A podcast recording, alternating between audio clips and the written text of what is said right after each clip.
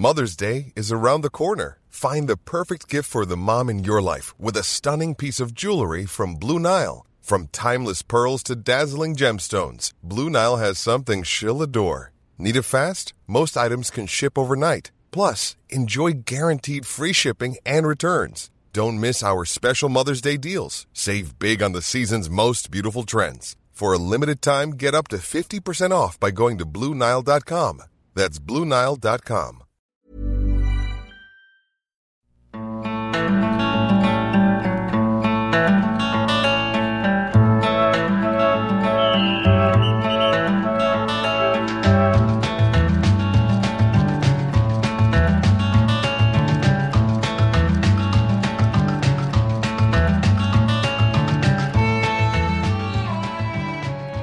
Allsvenska podden här. Det är tisdag inspelande stund. En omgång kvar av Allsvenskan. Makoto Asara heter jag. Sitter på distans idag. Eh, faktiskt. Men däremot så är vi ju Hugo Månsson och Jossi Pladan i studion tillsammans där borta. Hur, hur har ni det borta? Mäktigt. Vi sitter med varsin julmust här bredvid oss, eh, eller framför oss ska jag säga. Ja, precis. Så mycket mäktigt.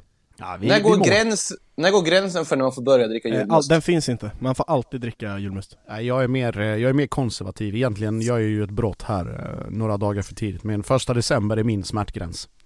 Fast, fast nu för tiden så finns det ju så här påskmust och typ midsommarmust och Ja, det- halloweenmust och allt vad det heter Det ändå. är Så att, skräckexempel på den fria marknadens eh, vulgaritet. Om du frågar mig. Eller ett eh, lysande exempel på...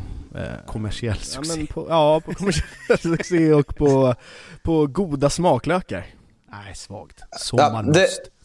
det, det är ju lite som när man ska analysera vissa resultat i den här omgången, om vi då går över till liksom fotbollen, hur man ser på dem. För det har ju varit en, en ganska osannolik guldstrid där det känns som att lagen på något sätt försökt undvika att bara ge över initiativ till varandra hela tiden.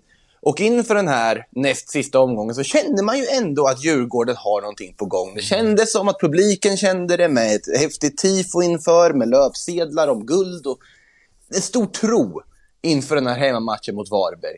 Och sen får vi ett sånt här osannolikt resultat som, ja, som vi nästan blivit vana vid att vi får, sådana här resultat som ingen förväntar sig. Vi, vi satt väl här i studion senast och kom till ja, men Djurgården löser det hemma mot Varberg. Eh, det gjorde de inte. Det slutade 2-3, sett till chanser, helt osannolikt också, sett till XG och så vidare. Men summa summarum, alltså Djurgården helt borta ur guldstriden. Eh, Men det är väl det deras- som är så fint med, med den här serien, eh, känner jag spontant. Ja, precis, men det är det jag menar med man ser det som något... Ja, inte nu precis. som man får Djurgården, inte att Djurgården förlorar utan att det är så ovisst. På förhand inför den här omgången så var det ju, det st- det stod ju mellan fyra lag. Eh, Malmö, Djurgården, eh, AIK och eh, Elfsborg. Eh, där AIK och Elfsborg Ja. mötte varandra, helt ovisst på förhand. Man, man kunde se det gå åt vilket håll som helst. MFF med en riktigt tuff bortamatch mot Kalmar med en jobbig matchbild trodde jag på förhand. Eh, och Djurgården här mot Varberg. Om det var någon av de tre matcherna jag hade kunnat garantera eh, att ett av lagen kommer vinna i alla fall, då, då var det Djurgården mot Varberg. Medan eh, i, i Kalmar trodde jag väl att det kunde bli kryss, eller Malmö-seger. Mm. Och, och AIK och Elfsborg som sagt helt vidöppet. Och, och så är det såklart då Djurgården som, som åker på en förlust hemma mot Varberg i omgång 28. Eh, Är det 29 till och med? Ja, omgång 29 är det till och med. 29, 29 är det ju självfallet. Precis, precis. Ehm, så att, ja, nej det, det, är- det är ju väldigt fint med den här serien att den, det, det fortsatt är så eh, ovisst och öppet hela tiden och, och lag som Varberg, lag som Varberg, de är ju väldigt bra och, och de älskar ju att ha, om man, om man känner Jocke Persson rätt så älskar han att ha ett finger med eh, oavsett om Varberg inte har speciellt mycket att spela om eftersom att de redan har säkrat kontraktet så eh, ja, nej, roligt ändå på något sätt. Mm. Man märkte ju också alltså, det finns gamnackar och det finns hängande liksom huvuden. Eh, och så finns det som, som Djurgårdsspelarna eh, visar upp efter matchen mot, mot Varberg. Det är liksom att hela världen egentligen rämnar under dem. fanns ju lite indikationer på detsamma när man inte tog eh, chansen mot Norrköping och det var vad var det, fem eller sex spelare som, som satte sig ner i mattan och var helt bedrövade efter den, eh, det krysset där. Men jag kan för mitt liv liksom inte förstå hur man jag ska inte säga att man släpper in Varberg för att man, man har, om man tittar på matchbilden, man har liksom, man belägrar Varbergs straffområde och man kommer runt och kommer till bra chanser men matchen avgörs egentligen när, när Magnus Eriksson missar den straffen. Eh, och, och göra det i det läget av matchen och med den starten och allting som det har sett ut och att inte inte förvalta det på ett bättre sätt. Den, den både liksom psykiska och moraliska uppförsbacken blir extremt, extremt eh, lång trots att man går ut med, eh, med liksom 1-1. Eller man gör 1-1 tidigt i andra men det är liksom, det, det, det, är så långt till en, en succé och en vändning där så att för mig känns det som att det dör, det dör där och då för dem och att de, de repar sig egentligen aldrig efter det trots att Chilufya gör ett, ett snyggt mål där i, i, i, mm. precis i början av andra. Men är det inte jäkligt märkligt att just Magnus Eriksson Eh, alltså det är ändå någonting som har debatterats lite här nu efter matchen att, och det, det är inte första straffmissen i år. Det är tredje. tredje sen så har han satt sin egen retur vid mm, två no. tidigare tillfällen kanske till och med. Ja, i, i derby mot Hammarby vill jag minnas i alla fall. Mm. Uh, I övrigt så, så en sån stabil spelare som härförare som han ändå är för Djurgården, en, en sån formstark spelare som har varit ja, hela allsvenskans eh, bästa spelare i stort sett. Uh, att han, som har bra tillslag, missar så många straffar och i de här lägena, om det är någon som ska sätta dem, då är det väl Mange. Ja, Men är inte, är inte den här matchen bara allmänt otroligt talande för det som har stått emot Djurgården i hela den här guldstriden? Nummer ett, de har inte spelare som liksom levererar mål på löpande band. Och vilket är problemet när man då missar så mycket chanser som man gör i den här matchen, lyckas inte få hål på Ja, man gör ju två mål i och för sig, men inte tillräckligt många mål sett i chanserna jämt mot Varberg. Du har Magnus Eriksson som har varit den bästa spelaren under hela säsongen. Men i det här läget när det som mest behövs, då kliver han upp och missar den straffen. Han blir bortpunktmarkerad i stora delar av den här matchen mm. också. Eh, det finns otroligt mycket i den här förlusten som är så otroligt talande. Sen mm. att de förlorar, släpper in tre mål med försvarsmissar av den kalibern som vi inte sett dem göra den här säsongen. Jo, Hemma faktiskt. där de har varit. Jo, det har vi faktiskt. Mot Elfsborg bland annat och de, jag tycker ju de har haft ganska, vi har varit inne på det flera veckor nu här, att, eh, att eh, Djurgården har ju svajat betänkligt där bak. Menar, eh, och det är ju det som har varit skillnaden, när, när inte offensiven stämmer helt och defensiven också läcker betydligt mer. Ja, men vi, vi, och vi återknyter ju det till, som du är inne på Makoto, liksom att om, om Magnus Eriksson av alla individer som lagkapten, som härförare, som ledare missar den straffen i det läget, vem är det då som ska plocka upp resterna och spillrorna av laget i andra halvlek? Vi pratade om, jag vet, vi var oeniga Hugo, jag, sa, jag var inne på att det finns Rasmus Schüller och det finns Magnus Eriksson som är den typen av spelare som ska liksom leda vägen i ett pressat läge. Ja. Eh, och, och gör du en sån miss, ja, då, då är det inte mycket som kan, liksom, som kan rädda dig. Eh, och Varberg, å ena sidan Djurgården gör en plattinsats och de står mest tomma och tittar ut i, liksom i fjärran efter matchen. Så gör Varberg precis det de är bäst på egentligen. Förvaltar sina fasta situationer, förvaltar ett omställningsläge där när Albin Winbo gör 3-1 och, och sen där är det egentligen, där är det över. Så uh, uselt av Djurgården i det läget men också väldigt, väldigt bra av Varberg att, att ändå komma in i den matchen med de förutsättningarna och, helt, och vara helt obrydda om vad som händer runt omkring dem och bara, bara koncentrera sig på sitt eget. Så eh, summa summarum, eh, jag är både, jag ska inte säga att jag är jätteförvånad men kanske lite grann över att Djurgården inte liksom står upp när det brinner som mest. Det får man väl ändå, jag, jag vet du har haft en teorin, ja. Eh, eller teorin, eh, jag får väl delvis ge det rätt för ja. när hela serien ska avgöras, när resultaten och prestationerna ska vara på topp och man inte har råd med misstag, då har ju Djurgården inte orkat och inte klarat Nej, av det här. Precis. Så att jag får ge dig delvis rätt för den eh, tesen du hade där tidigare. Eh, men däremot, det, det är ju, ja, vill jag komma egentligen? Jo men... ja, nej det, det, det, är ju svagt, och det, men, men samtidigt så Djurgården har ju varit så jäkla bra på att just vinna mot eh, de här på pappret sämre motståndarna. Framförallt men det, men det är ju det, alltså, Men här är det också det som jag börjar, jag vet såklart alla Djurgårdsspelare och tränare och hela klubben kommer såklart att säga emot det och säga att nej det var inte fallet. Men du måste ju fråga dig själv om det fanns en viss underskattning här. För att Gre grejen är ju så här, vi satt ju här tidigare, jag minns hur otroligt säkra alla var på det. Men Djurgården kommer ju avfärda Varberg. De är så starka hemma, det här kommer lösa. Varberg inte att spela för, Djurgården har fått igång det och så vidare. Men det finns ingenting att vara säker på i den här serien Nej, i år. Och det bevisas otroligt tydligt. Och jag undrar inte om det fanns om det här var en kombination av en viss omedveten underskattning och en viss omedveten guldfrossa. Vetskapen att Kalmar FF, Malmö, Malmö ska spela senare. Malmö kan mycket väl tappa poäng där. Vi har ett läge där vi kan ta över guldet. Samtidigt, och att man bara skulle avfärda valet. Jo, men med två matcher kvar har jag svårt att se underskattning vara. eh, Mm. problemet. A- Alltså förberedelser i någon form kan vara problemet och, och motivation eller vad, vad ska man säga, att, eh, eller guldfrossa, att det bara inte stämmer för att man tänker för mycket och man ska vara för fokuserad på det hela och, och glömmer liksom göra sin grej kanske vid något stadium. Jag har svårt att se Djurgården gå in i matchen och tänka ja ah, men Varberg är inte så bra i omgång 29. Det- Nej, inte, inte, inte tänka att Varberg är inte så bra, men snarare det här ska vi bara vinna. Att man är så inställda på att man kommer göra sitt jobb, att man ska gå ut inför fullsatta läktare och vinna. Så den, den Ja, känslan som präglar. Då är det inte Och det är väl en viss del av underskattning. Ja, jag Det är en viss säga underskattning att, att räkna. Ja, eller bara Men- övertro på sin egen förmåga.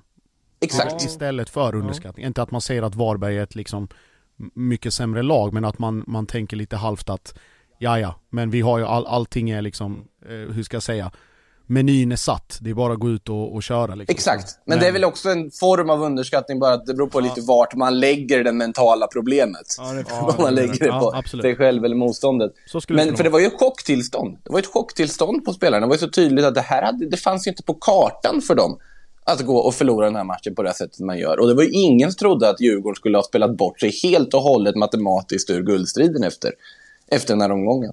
Så att eh, det ska bli väldigt spännande att se hur de ska ta tillbaka mot Häcken i sista omgången. För det är en Europaplats på spel nu också, Ja, ska men det komma måste ihåg bli det. en jäkla um, mental käftsmäll för Djurgården nu som har, jag tror jag läste det, de, de har väl toppat serien i 19 omgångar totalt av, ja, 29 nu då. Mm. Alltså n- toppat serien 90, det är överlägset mest i, i serien. Alltså det är mycket mer än Malmö och mycket mer än eh, AIK eller Ja, men de har ju varit med i toppen sedan början. Ja, och inte bara i toppen, de har, de har verkligen varit etta i tabellen i 19 omgångar Mm. när, när de har startat. Och, och då Mm. att nu i slutändan, när man varit med, med där uppe så länge, och i stort sett det är klart att de aldrig skulle säga att de har tagit en Europaplats för givet, precis som du är inne, som att de aldrig skulle gå med på att säga att de har underskattat sitt motstånd. Men samtidigt Mm. måste det ändå finnas någon Eh, någon, någon eh, tanke där i, i bakhuvudet hos Djurgården, spelare och ledare att jo men även om vi inte tar guldet så i Europaplats har vi i alla fall att falla tillbaka på.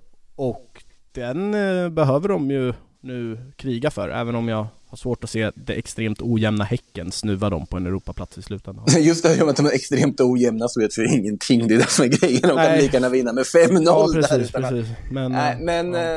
äh, det, det är då i slutomgången där Djurgården som då alltså matematiskt är borta från guldet. Vi ska nu vidare från Djurgården efter den här långa, ändå viktiga inledningen på den här podden vidare till Kalmar, Guldfågeln Arena och det som mycket väl kan ha varit ett guldryck.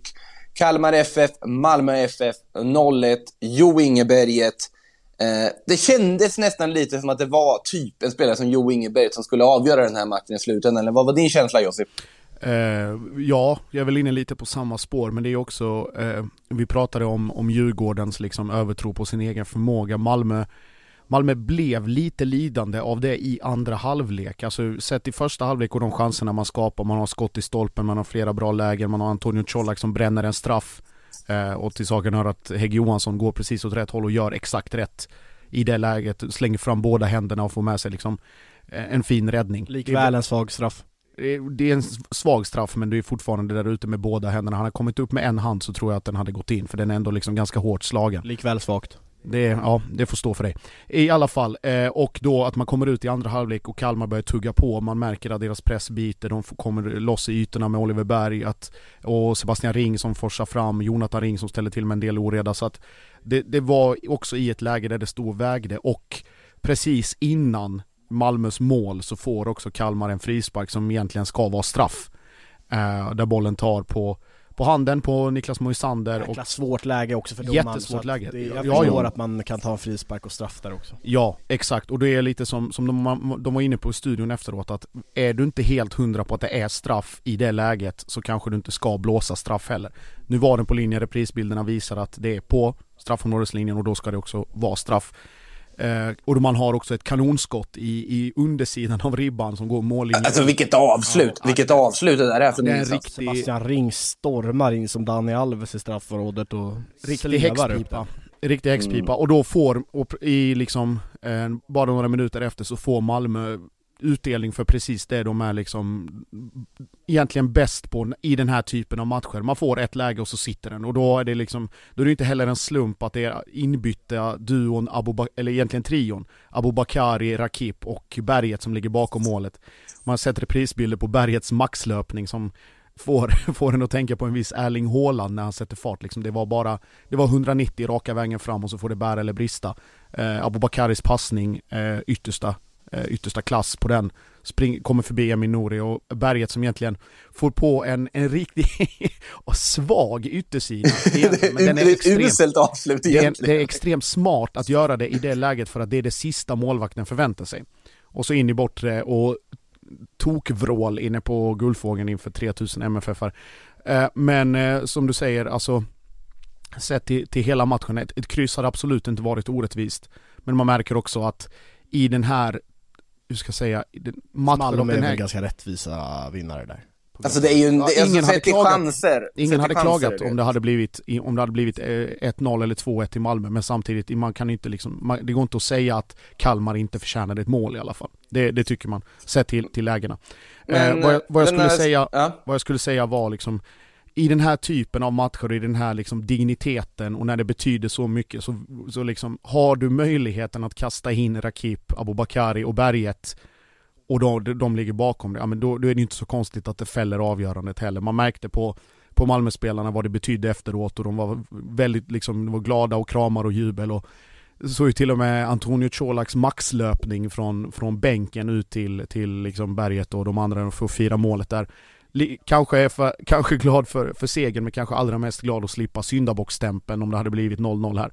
Så eh, nej, tyngden och, och, rutinen, precis det som, som Djurgården inte lyckades förvalta med sina lägen, det lyckades Malmö med egentligen på, ja, ett av få avslut i, i andra halvlek och sitter i, i, ett, i en guldsits hela vägen in. Och, och, du är inne på det som gör att Malmö FF med, ja men med 95% sannolikhet kommer säkra det här guldet och det är ju den ekonomiska faktorn och den extrema bredd och spets som Malmö besitter. Att det, det är inte många lag som kan slänga in, eller det är ju inget annat lag förutom Malmö FF, men som kan slänga in spelare av den digniteten som Erdal Rakip, som har vunnit SM-guld flera, flera gånger. Som, jag tror han är uppe i fem ja, guld. Jo Inge Berget som har vunnit guld och i, har varit en nyckelspelare och ja, han, han har ju varit mm. Jagad av europeiska klubbar många gånger under sina mm. sessioner i MFF.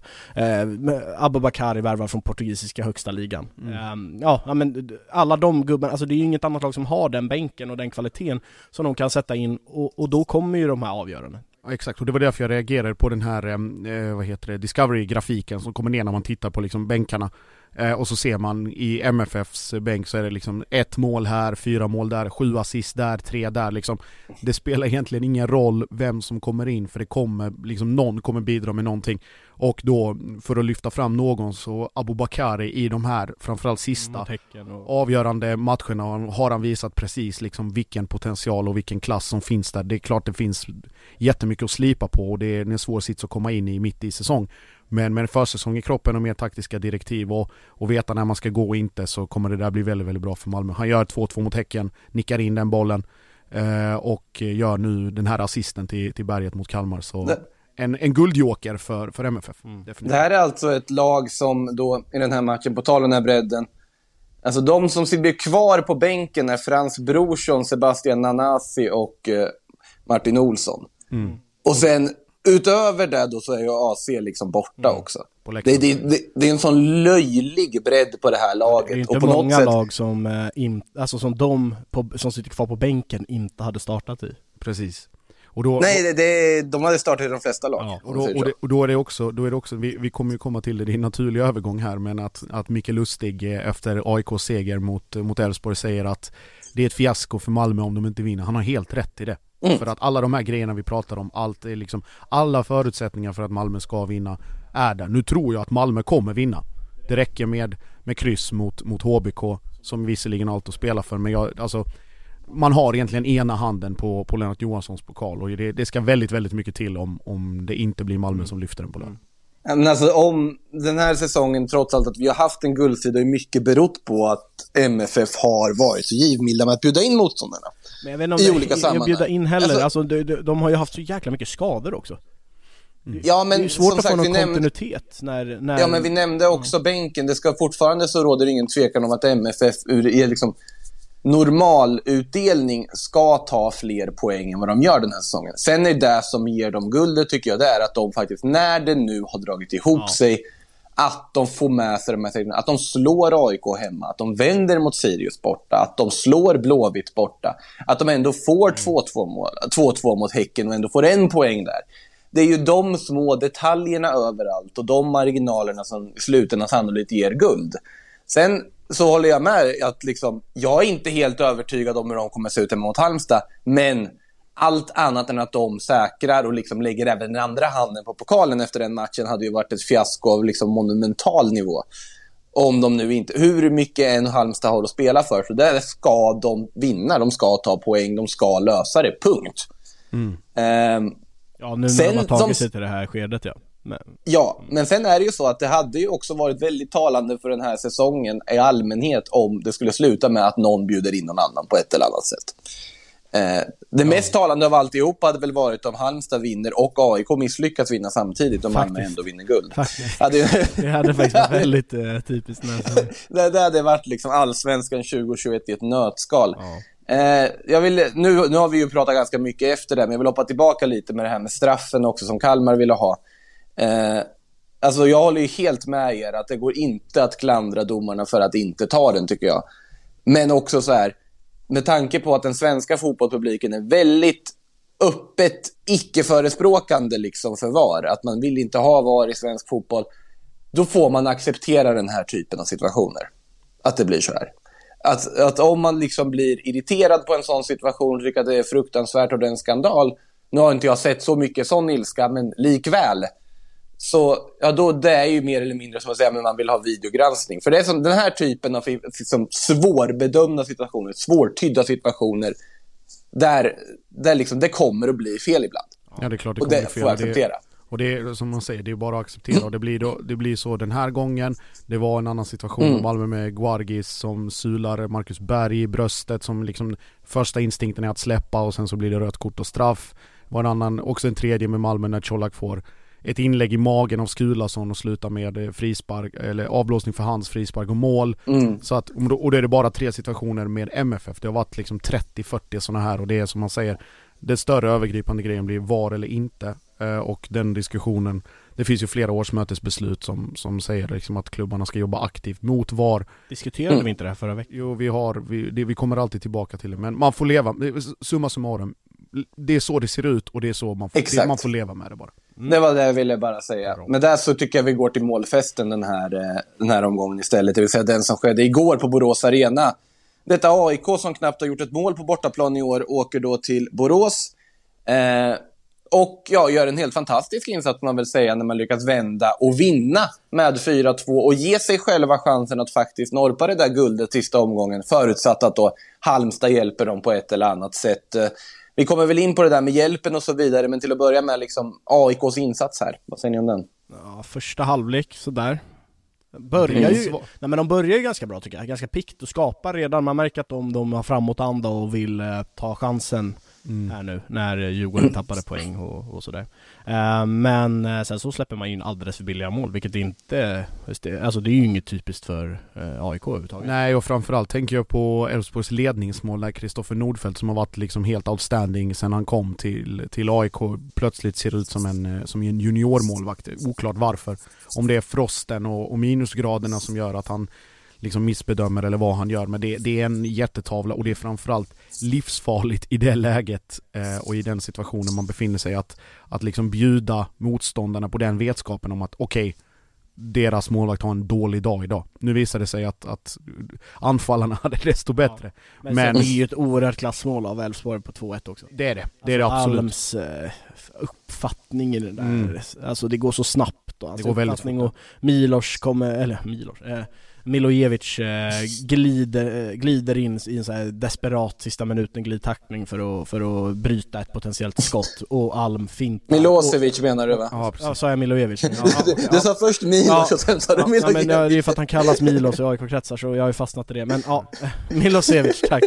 Eh, såklart. Eh, Milosevic eh, gör en sista minuten glidtackling. Alm oerhört kvickt Bara uppfattat väntar och bara ut. väntar ut och, och gli- glider förbi och placerar in den i öppet mål. Väldigt, och, och fin nernickning av eh, Per Fricker också va? Jag tror Eh, som nickar ner det. Och sen så, men vad, vad händer där i pausen?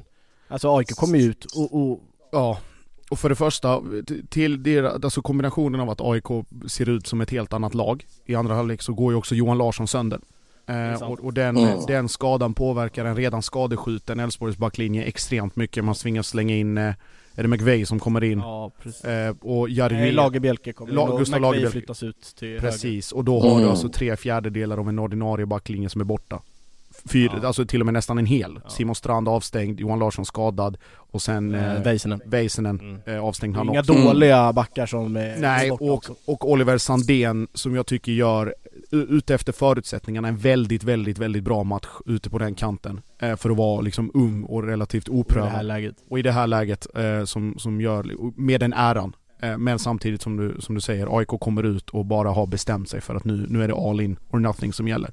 Eh, och kommer ut och så får man 2-2 Ja, men och ganska så här 3-2. billiga, alltså såhär, billiga, Ja. men slumpmässiga mål är det va? Om jag, nej.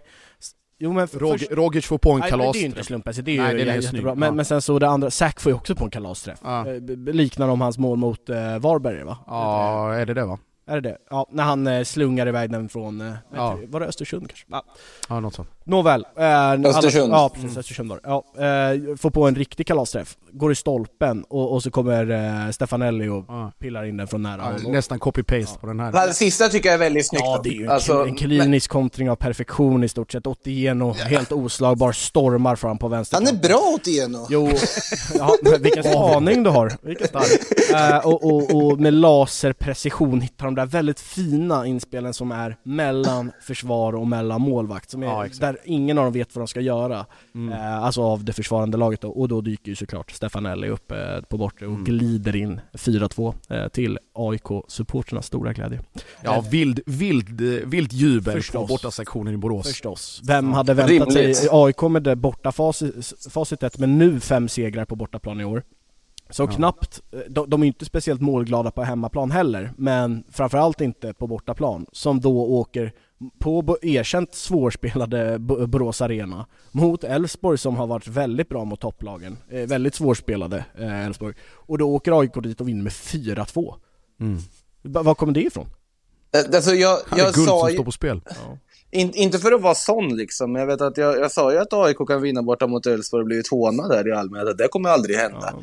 Eh, men jag trodde ju absolut inte de skulle vinna med 4-2. Jag trodde det skulle bli på liksom 1-0 efter en feldömd straff i minut 92 eller något dylikt. Liksom. Det här hade väl ingen förväntat sig att de skulle göra det här. Och det är ju just det jag menar med att bara liksom den allmänna magkänslan säger ju att vad som helst kan hända i slutomgången. Om AIK kan åka till Borås Arena och göra fyra mål från ingenstans. Om Djurgården kan släppa in tre och förlora hemma mot Varberg. Så varför skulle inte Malmö kunna förlora mot Halmstad? Ante Johansson nickar in en hörna i minut 93 Ja, och för Malmö är för bra för det. Och de, precis Ja, som AIK så, Djurgården- så ja. frodas ju Malmö i de här situationerna när allting ska avgöras. De är ju Jo, det säger all, all, Ja, all logik säger det. All logik säger Ja, det. men det, det är ju så. Sen så kan det ju såklart hända, men det, det är ju, det är ju liksom spåkulan är ju, det, allt kan ju verkligen hända men det, är- det är klart att Malmö är ju givna. Alltså det, det är ju, jag ger Malmö 95% chans till guldet. Samtidigt, spåkulan är lika rund som bollen, Hugo. Eh, Jösses! förlåt, förlåt, förlåt, vi, går vidare. Eh, däremot så kan, tycker vi ska passa på faktiskt att tacka Eno Goitom för en fin karriär. Tycker jag att vi ska göra. Eh, det kommer ju ut här nu att det här, han lägger skorna, eller ställer skorna på hyllan efter den här säsongen, kommer gå över till att vara assisterande tränare i P19-laget. Eh, vad skulle, alltså, han har ju varit otroligt viktig för AIK, verkligen blivit Alltså verkligen personifierat AIK under sin tid i den klubben. Jag tycker att det, det är läge att tacka för en fin karriär på så vis. Vad säger ni om Enok Goitoms bidrag Jag till allsvenskan, till AIK? Såklart enormt. Men samtidigt så har ju den historien mellan Henok och, och stora delar av AIK-supportrarna inte varit helt fläckfri i alla år heller. Det är ju par, par gånger som det har varit diskussioner om hur mycket liksom han brinner för AIK egentligen, hur mycket med det med Bosman, alla hans utlandsflyttar fram och tillbaka och hattandet hit och dit. Och det, det är sånt man måste ha i beaktande, men liksom stora, den stora helhetsbilden är väl att Henok har varit en stor symbol för för det AIK vi känner igen liksom från 10-talet och framåt och som liksom fram till Sebastian Larssons ankomst var den tydliga galjonsfiguren och ledaren och som kanske inte liksom hur ska jag säga, det var ingen Rosenberg-typ som var så, ty alltså så tydligt uttalad lokomotiv i former av mål, assist, avgörande liksom insatser på det sättet. Men han visade samtidigt vägen genom uppoff alltså uppoffrande, en annan typ av fotboll, uppoffrande löp, eh, spelstil, löpningar, att servera sina lagkamrater, att erbjuda liksom möjligheter till andra att ta den här eh, hur ska jag säga, utpräglade målskytterollen till exempel. Så att, och då, för att icke att förglömma, även utanför planen, en enormt bra ambassadör för AIK. Mm. Stort samhällsengagemang, engagemang för klubben, för just också med supportrarna och allting liksom för vad AIK är i resten av, av samhället och i resten av allsvenskan. Alltid vänlig och transparent, eh, transparent och, och, öppen för att diskutera med supportrar och media mm. och så vidare. Tar ju diskussioner på Twitter till och med och sådär.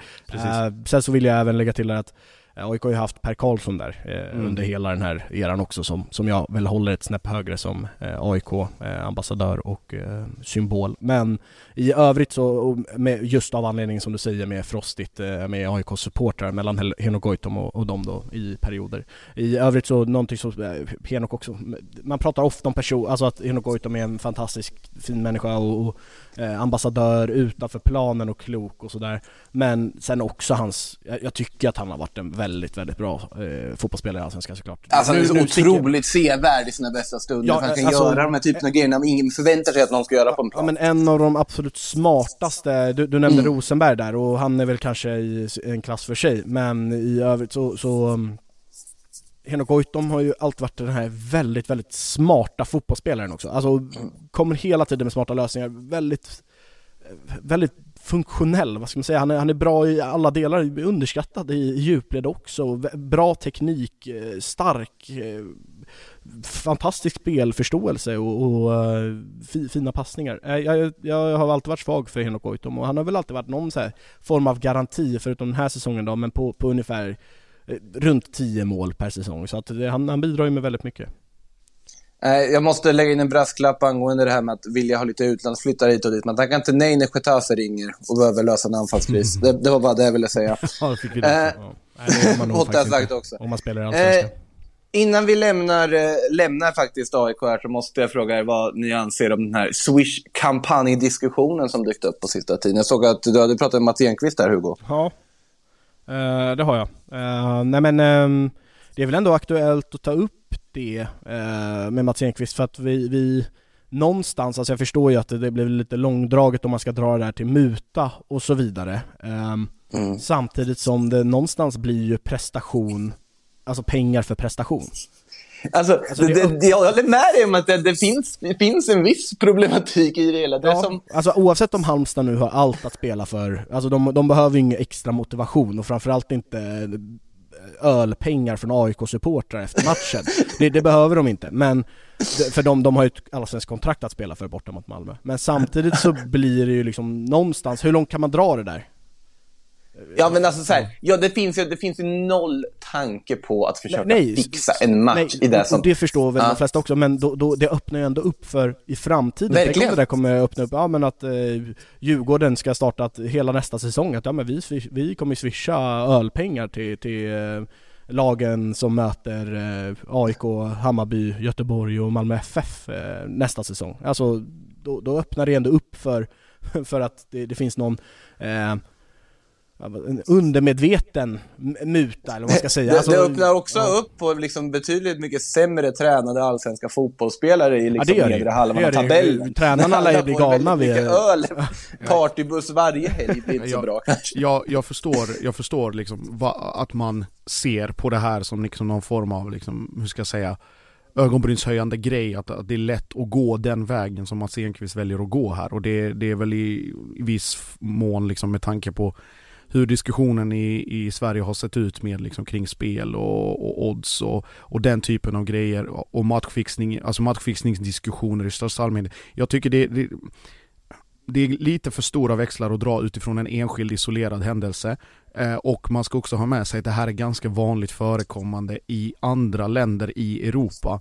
Inte den här typen av, liksom, som vi säger i Sverige, liksom swish-kampanjer, men att det är liksom incitament och löften om, om diverse olika fördelar om man vinner sin match mot någon annan rival eller den typen av grejer. Där är det såklart my mycket mer oreglerat och mycket mer shady. Är inte det från egna klubben, eller vad menar du nu? Eller att... Ja, det är ju klubbarna själva som gör det. Ja, och där, där, vi ska ju inte kanske använda Italien som någon måttstock här. Nej, nej, absolut inte. Jag menar bara att det är liksom, att, att det finns, det är vanligt förekommande i olika former även utanför Ja. Sverige. Att det är de egna klubbarna ger incitament, det kan vara andra lags supportrar, det kan vara andra klubbar som liksom Mm. är i något, pre- liksom en ganska taskig tabellsituation och som liksom gör en grej av att ja, men om ni gör si och så här många mål så blir det, ja, du fattar vad jag menar. Mm. Men eh, ja, jag både förstår, jag förstår det på ett sätt men jag tycker också att det är liksom det, det känns lite för mycket liksom steg 5, 6 och 7 från en, en enskild Absolut, grej. absolut, men det är Ja. ändå som den, alltså generalsekreterare för svensk elitfotboll så måste ju han ändå ha framtiden i beaktelse. Alltså jag menar han måste ju tänka... Det ingår i yrkesrollen. Ja, och det, det säger han nu också. Och det är inte som att Mats Enqvist kommer gå och börja leta upp de här som har swishat. Nej, nej, nej. Det är inte där,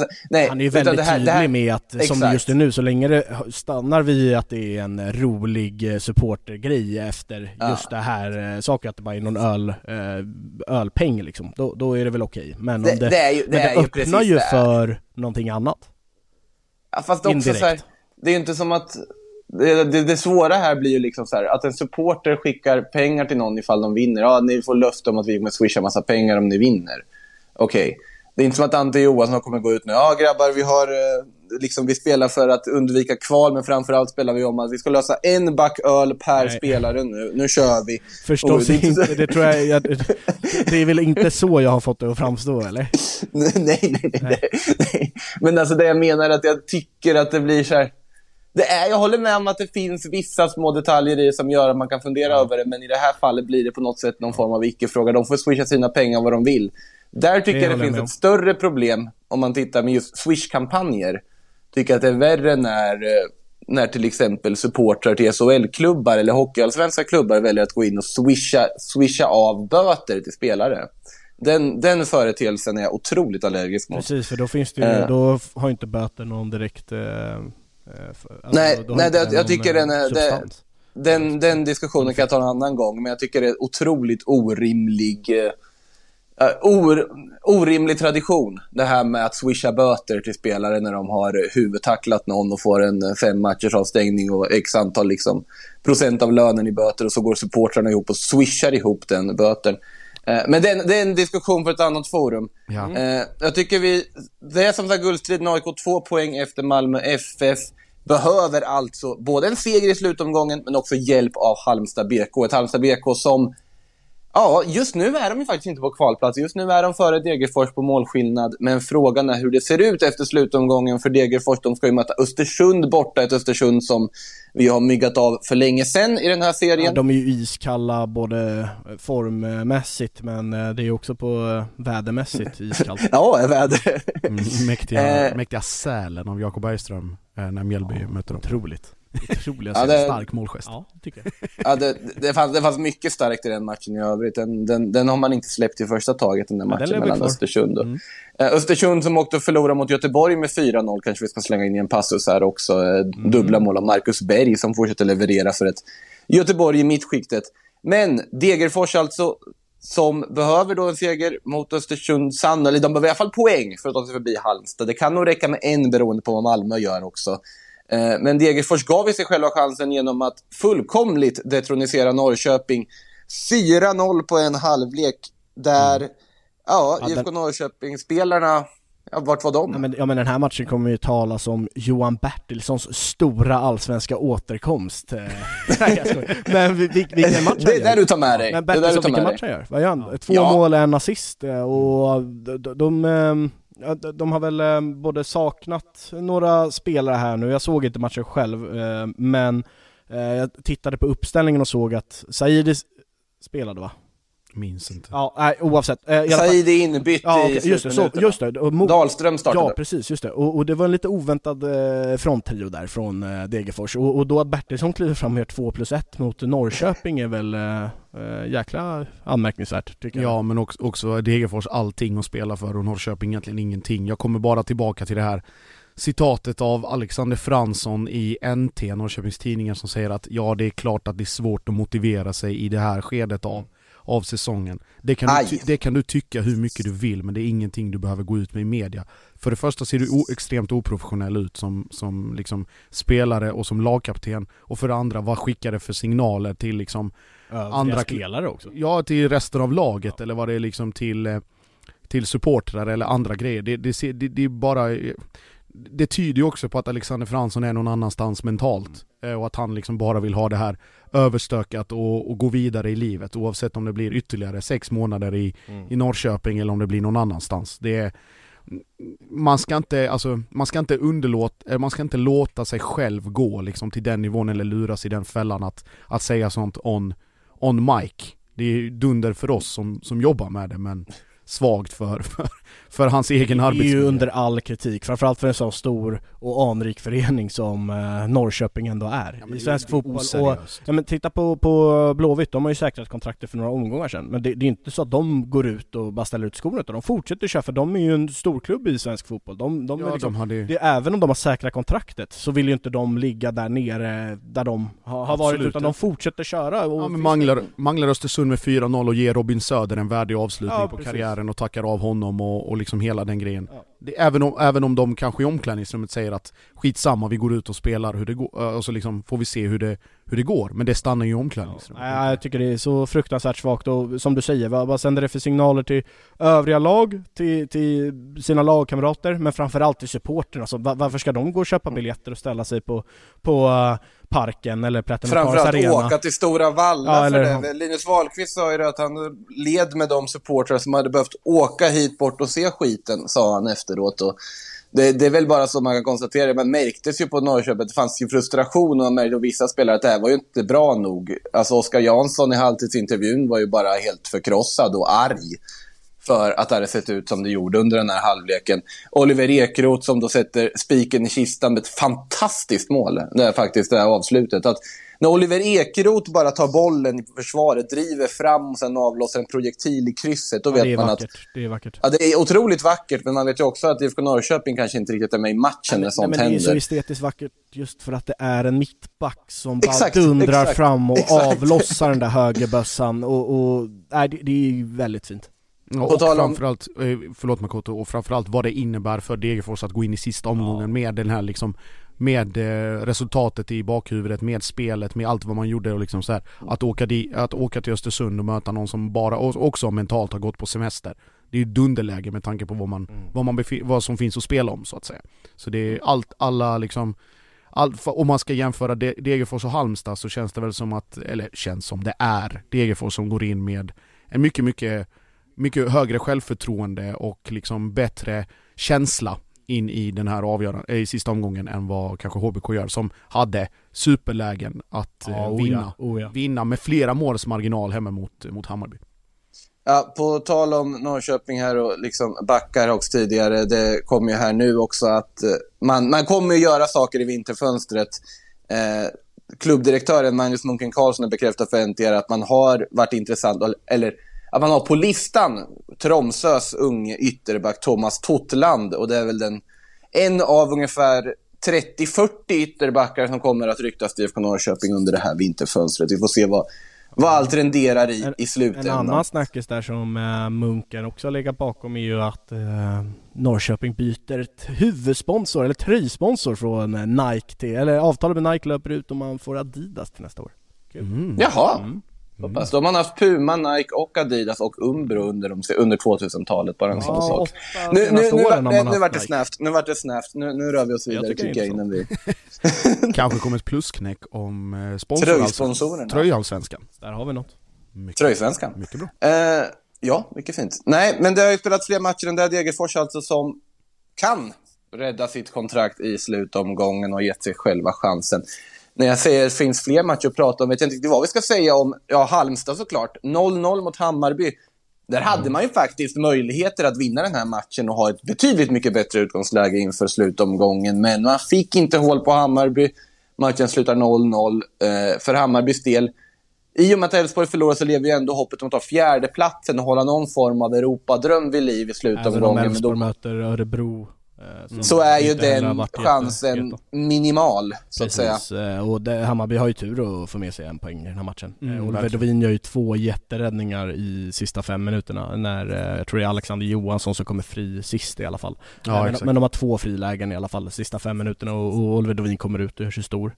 Eh, det är väl en ljusglimten för Hammarby då, att eh, Oliver Dovin såg eh, bra ut och att det hände saker när Darjan Bojanic och Viljot Svedberg byttes in. I övrigt så var det en ganska blek insats från Hammarby. Mm, Och han räknar de ju med nästa säsong också, Oliver Dovin. Bekräftade väl Milos, Milojevic här efter matchen också att det... Mm, och sa väl att de, eh, att de, om de inte tar in någon rutinerad eh, allsvensk, eh, eller alls, eh, svensk målvakt. Eh, så att eh, Mm. öppnade han också för. Mm. Återstår att se, men en fin insats av Oliver Dovin i alla fall när Hammarby då kryssar borta på Örjans vall. Och så har vi en match till att redovisa och det är den som Sirius spelade. Och de vann ju med 3-0 hemma mot detta ojämna Häcken. Ja, inte Mjällby-Örebro 0-0, säger jag också bara. Jag vill Slänga, slänga in det också. Eh, men eh, Sirius 3-0-seger, de var ju typ säkra redan. Nu är de ju helt matematiskt på alla sätt och vis säkra och kommer undvika kvalstrecket. Kan ju till och med Ja, de skulle faktiskt till och med kunna klättra upp på den övre halvan beroende på hur andra resultat faller i slutomgången. En poäng upp till Göteborg på åttonde platsen som just nu har den där platsen som ger den ack så viktiga hemmaplansfördelen i Svenska Kuppen. Bara en sån sak. Det är där man slåss om här och var sidade i den inför lottningen av den. Men vad håller Häcken på med? Men vad, vad håller de på med? Trött på dem. Nej, men jag, jag förstår Ja, men- inte för att de, de förlorar mot eh, Kalmar på hemmaplan då, 4-1. Ja. Eh, några till, något till svagt. Eh, ja men och kryssar väl mot Östersund också 1-1 eller något sånt där. Åker till Malmö. Ja, det de. Malmö och gör en bra insats, ett rättvist kryss. Ja. Och för att sen Ja. åka till studenterna så åka på 0-3. Med bud på mer dessutom. Ja. Jag, jag förstår inte, det, det är ju inte fel på truppen. De, de har en Per-Mattias Högmo som ska vara en klasstränare i Allsvenskan Ja, men de har namnmässigt. väl också checkat ut? Jo men med, med de resurserna och de personalkostnaderna och den ekonomin och de, de namnen de har, alltså det, det funkar ju inte att ha det som ja men vi har checkat ut bara för att vi har säkra kontrakt. Alltså det funkar ju inte så. Ja, men det är samma Ska sak med vi- Norrköping. Det Ja, är men samma problem men här. hur kan de då inte ha checkat ut när de möter Malmö? Ska vi för en, en sista gång, eller för kanske för eh, också enda gången begrava den här, em, vad heter det, den här guldtippningen Ja. om att Häcken kommer vinna SM-guld. Det, det, så länge det ser ut så där när man liksom inte har någonting att spela för så går det liksom inte att, att ta dem riktigt på allvar. Trots att det finns ekonomiska förutsättningar, trots att man har eh, alltså sparkapital i, i Vålemark och Traoré och ett par andra liksom unga spelare som kommer gå för dyra pengar och trots att man har klass i form av Jeremejeff, i liksom Friberg. Friberg, Tobias Heinz Ja. och alltså om vi bara börjar bakifrån, Peter Abrahamsson står ju inte att känna igen Nej. och går från att vara en av en av kanske Han var allsvenskans allsvenskans bästa, mål, bästa målvakt till att se ut som att han, han vill göra allt annat än att stå i mål. Jag vet inte, det, det här med Häcken som guldkandidat eller all- det obligatoriska enjournalistspåret som säger att i år är Häckens år, det är bara, det är bara att glömma. Det, det, så länge det ser ut så här så... Det är väl nu de kliver rent nästa år. Ah, ja det hade ju inte förvånat mig alls, så får, får folk klippa ut det, här ur podden och göra det till någon meme, jag vet En inte. Jag kan riktig maktdemonstration Ah, går jag, jag bjuder på den i så fall. Ja, det är sånt får man bjuda på. Jag, det, det, är väl mer, det är väl mer rimligt att tro att eh, det kan bli ett SM-guld på damsidan istället. Riktigt bra värvning idag av Josefin Rybring från Kristianstad för övrigt. Eh, U23-lagkaptenen och eh, landslagsbacken. Så det, det, de rustar i alla fall på den sidan och där spelar man Champions League dessutom. De får trösta sig med det i föreningen för att det är inte mycket att hurra över just nu på, på herrfronten där i alla fall. Eh, då har vi gått igenom, ja, finns det något att säga? Jag bara liksom slängde ur mig Mjällby-Örebro 0-0, men jag tänker att Mjällby-Örebro 0-0 är ungefär lika roligt som Mjällby-Örebro 0-0 låter. Eh, precis så. Ja. Eh, precis så. Eh, Det, Det så. Mjällby låg väl på, ja, men Sarr startar inte. Då eh, Nej. saknas det ju lite där framme. Eh, Ja, Så är det. Men eh, i övrigt, ja, nej 0-0. Det är precis som det låter, som du säger. 0-0. Inte Du- så roligt du med andra ord. Nej, inte ett dugg roligt. Eh, men ungefär vad man kan vänta sig av två lag som även de mer eller mindre har checkat ut eller har råd att checka ut i det här läget. men vet ni vad som är roligt däremot? Vad? Att imorgon plockar Janne Andersson ut den 23-manna stora truppen som till januariturnén. Oh, din Mäktigt. januari-turné! Mäktigt. Det är roligt. Det enda landslagsuppehållet jag gillar. Okej, vad, vad, vad tror vi för skrällar i den truppen? Eh, Skrällar tror jag inte det, eller alltså det är ju väldigt svårt. Eh, Men om man, ska man lista några givna eller? Alltså Edvardsen kommer ju komma med, såklart. Tycker du Edvardsen är given? Januaritruppen ja. Absolut. Ja. Eh, Ja. I, I en januari ja Hjalmar Ekdal given naturligtvis. Simon Strand ska med. Strand- Alltså Frans Brorsson skulle Tror jag du Simon Strand ska var med? Det är jag helt övertygad om att Simon Strand ska med. Ja. Absolut. Mm. Eh, Han Alltså- har väl varit seriens eh, topp tre eh, bästa vänsterback i år bakom Mm. Sot- Sotte Milosevic Ja, han- han... få åka med. Han kommer nog med, ja, precis. Eh, Båda dem. så, nej Milosevic, eh, Janne har sagt, han sa i Toto Balutto, eh, sa han att eh, de spelare, alltså som Magnus Eriksson och Milosevic och de som har varit med i den eh, riktiga Vanliga truppen. ja precis, att de eh, nog inte kommer komma med. Eh, Jaha. Men... Vart, vart går Oskar Lewicki i den kategorin? Ja det är en bra fråga, men jag Mm. tror kanske att Janne tar med han bara för att se honom med, för att han har inte varit helt, eh, nu var han väl med i senaste truppen Mm. va, och fi- fick ju träna så här fullt ut, men, men jag tror han kan ta med honom för att han ändå haft en så skakig säsong Ja, med honom man, spel. Precis, för att han har inte spelat så mycket men man vet vilka kvaliteter så att Mm. då kan han implementera taktik och sådär med, med Oskar eh, ännu vidare.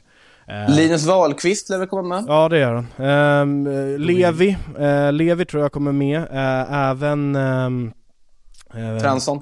Nej, Nej. Eh, Ludvigsson kan nog komma med skulle jag eh, kunna gissa. Eh, Ja. Wålemark är såklart given. Mm. Eh, tror jag. På målvaktssidan, Dovin. Tror det. Ja, det tror Han jag. går före Brolin då. Brolin kommer, och han, tar, han nyper en av tre. Vem? Brolin eller Dovin? Brolin, tror jag. Så båda är med alltså tror du? Rönning tar ju en, eh, definitivt. Oskar Jansson? Nej, jag tror inte det ändå. Rönning? Ja, jag sa ju precis det. Ja, Nej, du sa Rönning ja, just det. Rön, Vem, vem Rönning. har vi mer, om vi tänker, lyfter blicken lite? Alltså jag tänkte Nilsson. Säfqvist. Eh, nej, Hägg Johansson har ju varit bedrövlig i år. Tror inte heller. Andreas Linde. Ja Molde. precis, precis. Eh, Andreas Linde är ju vass och skulle ju faktiskt kunna aspirera på Mm. bli tredje målvakt i A-landslaget. Snart ja, exakt. Ja, eh, Före Carl-Johan Jonsson definitivt. Precis. Eh, nej men jag tror Rönning, Linde ligger nog bra till beroende på hur Mm. de... Jo men då kommer ju norska ligan vara avslutad. Mm. Eh, danska vet jag inte riktigt hur det ser ut men Erik Karl... Danska spelar väl på... De spelar ju men de, höst, ja men de har eh, väl vår. uppehåll där över väl? Har de Det inte har de. Eh, så Det har att de. då, då skulle ju både Erik Karl och Emil Holm eh, Joel Andersson, eh, de tre ytterbackarna skulle ju mycket väl eh, kunna vara med. Eh, Mm. Även Jallow skulle jag kunna se vara med i truppen. Simon Olsson. Ja, eh, och. Bilal Hussein också. Ja, Båda direkt de. från Eh, U21. precis. De två känns ju ganska klara tycker jag. Lite skräll när man kan slänga in i Rasmus Alm. Ja faktiskt, Ja. det var Ja. bra. Men det finns för många bra, både Levi och, och Wålemark borde vara givna och då, då känns det konstigt att plocka ut tre. Anthony Elanga blir jag inte förvånad över att se i januari. Fast eh, de, eh, Euro, ja, men de som är ute i eh, Europa, eh, Ja, de det blir tufft. tränar ju och, och Och, spelar ju. otroligt bra content just nu. Vi bara sitter och namedroppar random, Ja, random nej, lyssnare får gärna mejla in sina förslag och om vi missar någon eh, uppenbar, ja men twittra då. Karl Björk. Nej, Nej. Jag blir inte helt förvånad om. Karl Björk dyker upp där Jo. som en, som en backup. Jag blir jätteförvånad. ja, Ja, Jag hade blivit lite förvånad, men inte superförvånad ändå. det blir jag. Faktiskt. Adam Hellborg. Nej, eh, alltså då, då ligger ju Kastegren närmare än vad Karl Björk gör tror jag. I så fall. Ja, fast det är ganska många bra mittbackar det finns. Säg att Mm. Brorsson, Brorsson, Sotte, Wahlqvist. Hjalmar Ekdal. Då har du fy- fyra mittbackar. Ja, Une är väl inte Nej, långt... han har ju varit med Nej, flera borde ju absolut vara- ska aktuell. väl eh, vara aktuell också tror jag. Ja, kan vara. Där är ju det bosniska passet som ligger och lurar just också. Det, just det. Ja, det finns Smugit lite under radarn faktiskt. Ja. Mm. Ja, Nej, men så stark- att, eh, stark nej, det blir spännande. Ge gärna Otroligt stark till content. alla lyssnare ute, ge gärna plusbetyg på det här segmentet eh, på Twitter.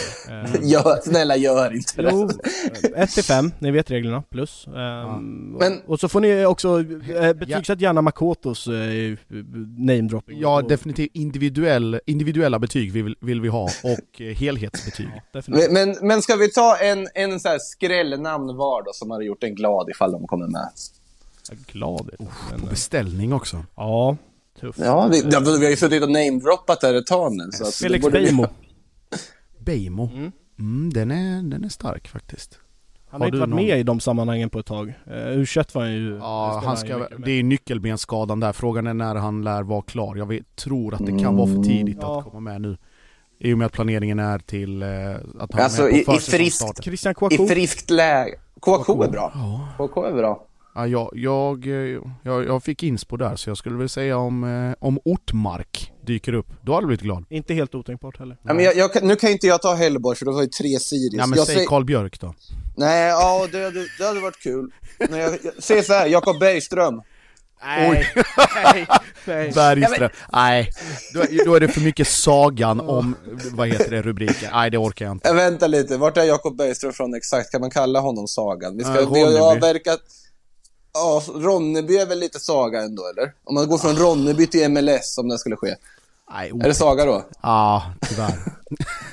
Tyvärr, det är en Saga. Släng sagobegreppet. Ja, fast han har gjort en sväng i Mjöndalen i Norge också. Ja, det han har ju redan gjort ett utlandsäventyr, det, det stör lite. Ja, det I, det alltså, I eh, vad heter det, grafiken på karriären, tycker jag. Ja. Eh, nej, Jakob Bergström kommer naturligtvis inte komma med i januari-truppen. Men, Johan eh, Bertilsson flyger in. nej, men om, Med bravur också. Men ska Sänker vara lite- Estland med fyra mål. Flygs Om vi ska in vara lite alla se- Nisse Johansson till, eh, till... om jag ska eh, hålla mig i Mjällby och vara lite mer seriös, och Nilsson eller Hodzic är väl inte helt otänkbart, eller? Hodzic har väl, eh, inte han också, nu är det svag, eh, kolla men inte, jag vill säga Bosnien. bosnier och Semi-aktuell för Bosnien också. Precis, eh, Joel Mm. Nilsson har väl åldern emot, men absolut. Och sen så, Mm, Joel Nilsson född sen så 94. fi- oh, okej men t- som högerytter skulle det ändå kunna funka. Ja. Varför inte? Amin Ja, Sarr. spännande som Ja, satan. nej, i alla fall. Ja. Bra. Eh, Amin Sarr. Amin Sarr. Eh, Också ett bra namn där. Nej, som sagt, ni hör hur kul det ska bli med januari-turné. Det är inte bara någon sorts placeholder landslagsuppehåll för oss som följer allsvenskan, utan det är kanske, som Hugo konstaterade, det typ roligaste landslagsuppehållet på Och kalenderåret. slippa åka till en diktatur och ha januariturné också. Jag är alltid trevligt. Bara en sån sak, men nu får vi. Algarvekusten. Mäktiga Algarvekusten i januari. Ja. Algarvekusten och hänga med eh, semestrande britter och holländare är det primärt Vi som borde hänger nästan där. göra en ny grej i Allsvenskan. Sommar, eller vår och sommar säsong i Sverige. För att sen så fort hösten kommer, då kör man resterande 15 omgångar i Algarve. I en bubbla. Algarve-bubblan. Jösses. Supportrarna Ja. flyger ner i mängder för eh, intensiva... Specialchartrade plan från Arlanda fyra gånger om dagen. Alltså, det, det, det hade varit mäktigt på att, alltså, med tanke på att de pratar om, liksom, om i liksom La Liga och i Premier League och så vidare, att ja, men vi borde börja lägga matcher i USA och sånt för utländska publiken. Vi ska ju naturligtvis börja lägga en omgång av Allsvenskan varje år på Algarvekusten. Ja, eller Svenska cupen-finalen i Algarvekusten. Åh, Mäktigt. mäktigt. Eller, Inva- eller, återinföra, eller återinföra Supercupfinalen här nu efter säsong och lägga den i Eller får, får man lämna ett önskemål nu när, när Allsvenskan tyvärr börjar sluta? Eller går mot sitt slut? Ja, Förutom Algarvekusten? Ja, men, ja, ja förutom det. Men återupprepa, eller alltså ta tillbaka Royal League. Alltså lyssna makthavarna i, i skandinavisk fotboll. Ta tillbaka Royal League. Ja, men på Algarvekusten då? Och kombinera Nej, det, det är faktiskt där håller jag inte med. Det ska vara på iskalla svenska arenor. Du vill åka och, och se Brann Norrköping i Bergen Ja, ja. i januari. Alla dagar i veckan. Iskallt. för Norling att komma tillbaka till Brann om inte annat. Nej, Otroligt underhållande. Alltså, men vi har ju, problemet är ju att om, vi hade, om svenska lag hade lyckats, fått lite bättre lottning eller lite bättre, alltså, bättre kval i allmänhet till Conference League så hade vi haft en form av Royal League fortfarande. För det är ju typ där är den nya turneringen. Minus typ Roma-Tottenham. Ja, och att Men, det eh, heter Royal League. Du, du är riktig nostalgiker här med Royal League. Ja. Man kanske ska Ja. göra, det är också ett uppslag för oss. Roy, 15 år sedan Royal League, vad hände Vad sen? hände sen? Vad hände sen med lagen som är en sämsta Ja, upplaga? Vad gick fel? Ja. Malmö, Malmö FF togs det började ett spela av de större största turneringar. skandinaviska felbesluten? Nej, vi avrundar här nu. Äh, vi, av, vi avrundar med att skicka en tanke till Royal League. Det var kul så länge det varade, som man brukar säga. Eh, och det här tycker, det kan man säga om den här podden också. Tack Hugo, tack Josip, tack ni lyssnare. Allsvenska podden återkommer självfallet för att eh, ge er allt om slutomgången. Den som stundar nu i helgen. Fram till dess, ha det gott, ta hand om er, så hörs vi. Hej då. Ciao, ciao. Ciao.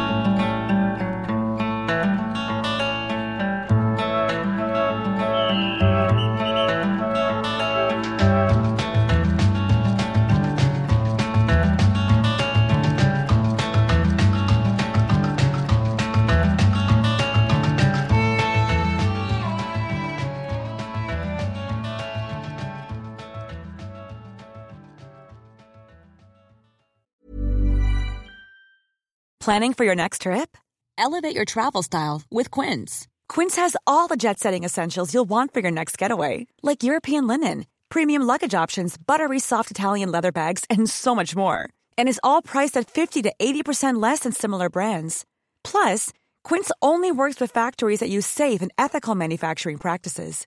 Pack your bags with high-quality essentials you'll be wearing for vacations to come with Quince. Go to quince.com slash pack for free shipping and 365-day returns.